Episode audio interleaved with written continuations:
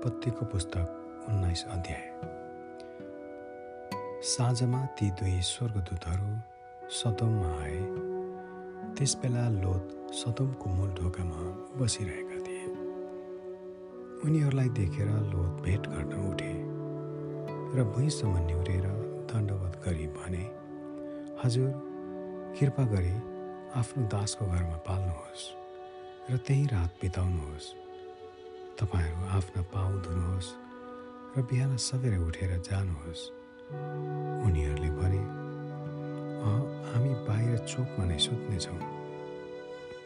तिनले उनीहरूलाई ज्यादै ढिप्पी लाएर बिन्ती गरे।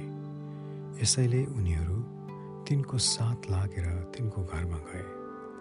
तिनले उनीहरूलाई भोज दिए र खमेर नहालेको रोटी बनाएर उनीहरूका सामुन्ने राखिदिए र उनीहरूले खाए। उनीहरू सुत्न अघि सदुम सहरका के युवक के बुढा एउटै पनि नछोडी जम्मै मानिसहरू आए र लोतको घर सँगै घेरे। तिनीहरूले लोतलाई बोलाएर भने बेलुकी तिमी कहाँ आएका? मानिसहरू कहाँ छन्? उनीहरूलाई यहाँ बाहिर हामी कहाँ ल्याऊ?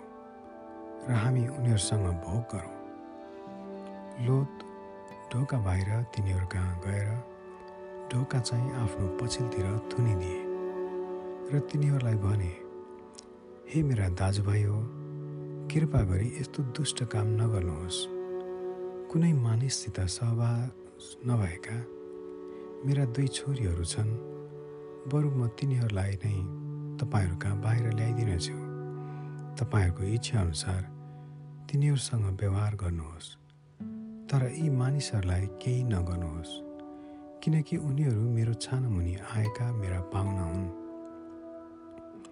तर तिनीहरूले भने पछि हट।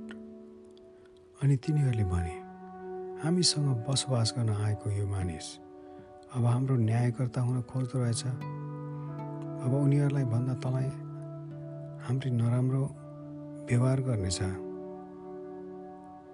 तब तिनीहरूले लोतलाई घसेटे। र ढोका फोर्न अघि बढे।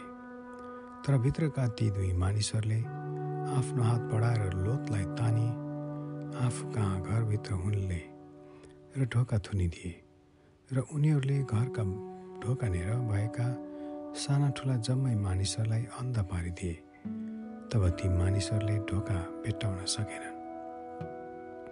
ती दुई मानिसहरूले लोतलाई भने तिमीसँग यहाँ अरू कोही छन्? जुवाइकी छोरीहरू अथवा सहरमा तिम्रा अरू जो भए पनि तिनीहरूलाई लिएर यस ठाउँबाट निस्केर जाऊ किनभने हामी यस ठाउँमा लाई नष्ट पार्नेछौँ।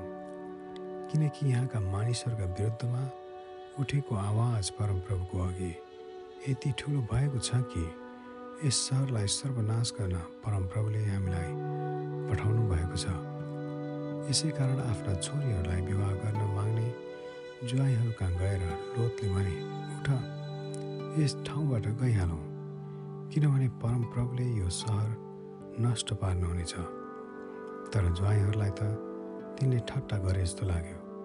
उज्यालो हुन लाग्दा ती दूतहरूले लोतलाई यसो भनेर आतुरी लाए उठ तिम्री पत्नी र त्यहाँ भएका तिम्रा दुई छोरीहरूलाई लिएर गइहाल नत्र त यस सहरले पाउने सजायमा तिमी पनि भस्म हुनेछौ जब तिनले हालटाल गरिरहे तब ती मानिसहरूले तिनका तिनकी पत्नीका र दुवै छोरीहरूका हात समातेर सहर बाहिर ल्याए।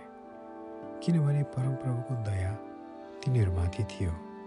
तिनीहरूलाई बाहिर ल्याएपछि उनीहरूमा एकजनाले भने आफ्नो ज्यान जोगाउनलाई भाग फर्केर पछाडि नहेर र बेसीमा कतै पनि नअडिनु तर पहाडतिर भाग। नत्र त तिमीहरू भस्म हुनेछौ तब लोतले उनीहरूले भने हजुर हो त्यसो नहोस्। हेर्नुहोस् तपाईँहरूको दासले तपाईँहरूको अनुग्रह पाएको छ र मेरो प्राण बचाएर तपाईँहरूले मलाई ठुलो करुणा देखाउनु भएको छ। म पहाडतिर भाग्न सक्दिनँ नत्र त यस विपत्तिमा परेर म मर्नेछु हेर्नुहोस् ऊ त्यो सहर भाग्नलाई नजिकै छ र त्यो सानो पनि छ। मलाई त्यही नै भाग्न दिनुहोस्। त्यो साह्रै सानो छैन र त्यहाँ गए मेरो प्राण बाँच्ला।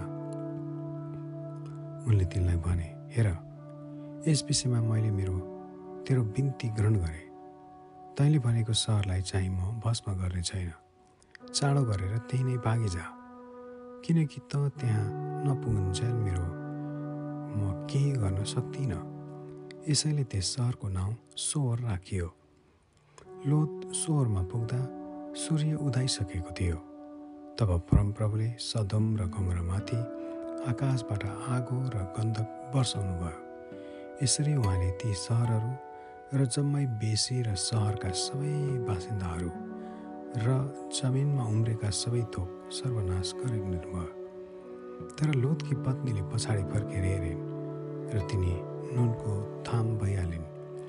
अब्राहम सबैले उठेर तिनी परमप्रभुको सामु उभिएको ठाउँमा आए। तिनले तल सदम गमोरा र बेसीका सबै जग्गातिर हेरे र त्यस ठाउँबाट धुवा भट्टीको धुवा जस्तै मासतिर उडिरहेको तिनले देखे। यसरी बेसीका सहरहरू सर्वनाश गर्नुहुँदा परमेश्वरले अब्राहमलाई सम्झनु भयो। लोत बसेको सहरलाई उहाँले नष्ट पार्नुहुँदा त्यस सर्वनाशको बिचबाट लोतलाई निकाल्नुभयो। लोत स्वरबाट निस्केर आफ्ना दुवै छोरीहरूका साथमा पहाडमा गएर बस्न लागे किनभने स्वरमा बस्न तिनी डराए। तिनी आफ्ना दुवै छोरीहरूसँग एउटा ओडारमा बस्न गए। एक दिन जेठीले कान्छीलाई भनी हाम्रा बुवा वृद्ध हुनुभएको छ र संसारको रीति बमोजिम हामी कहाँ आउने पृथ्वीमा कुनै मानिस छैन। यसैले अब हामी आफ्ना बुवालाई मध्य खुवाएर उहाँसित सुतौँ।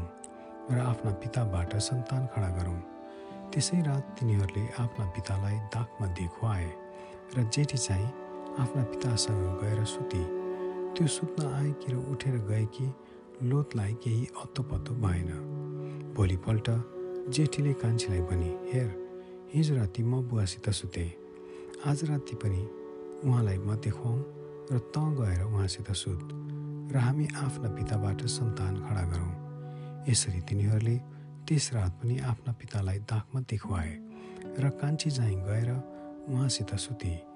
त्यो सुत्न आएकी र उठेर गएकी लोतलाई केही थाहै भएन। यसरी लोतका दुवै छोरीहरू आफ्ना पिताबाट गर्भवती भए। तब जेठीले एकजना छोरो जन्माए र उसले त्यसको नाउँ मोआब राखे। हिजो आजका मोआबीहरूका पुर्खा यिनी हुन्। कान्छीले पनि एकजना छोरो जन्माए र उसले त्यसको नाउँ बेनामी राखे। हिजो आजका अम्मनीहरूका पुर्खा यिनी हुन्। आमेन।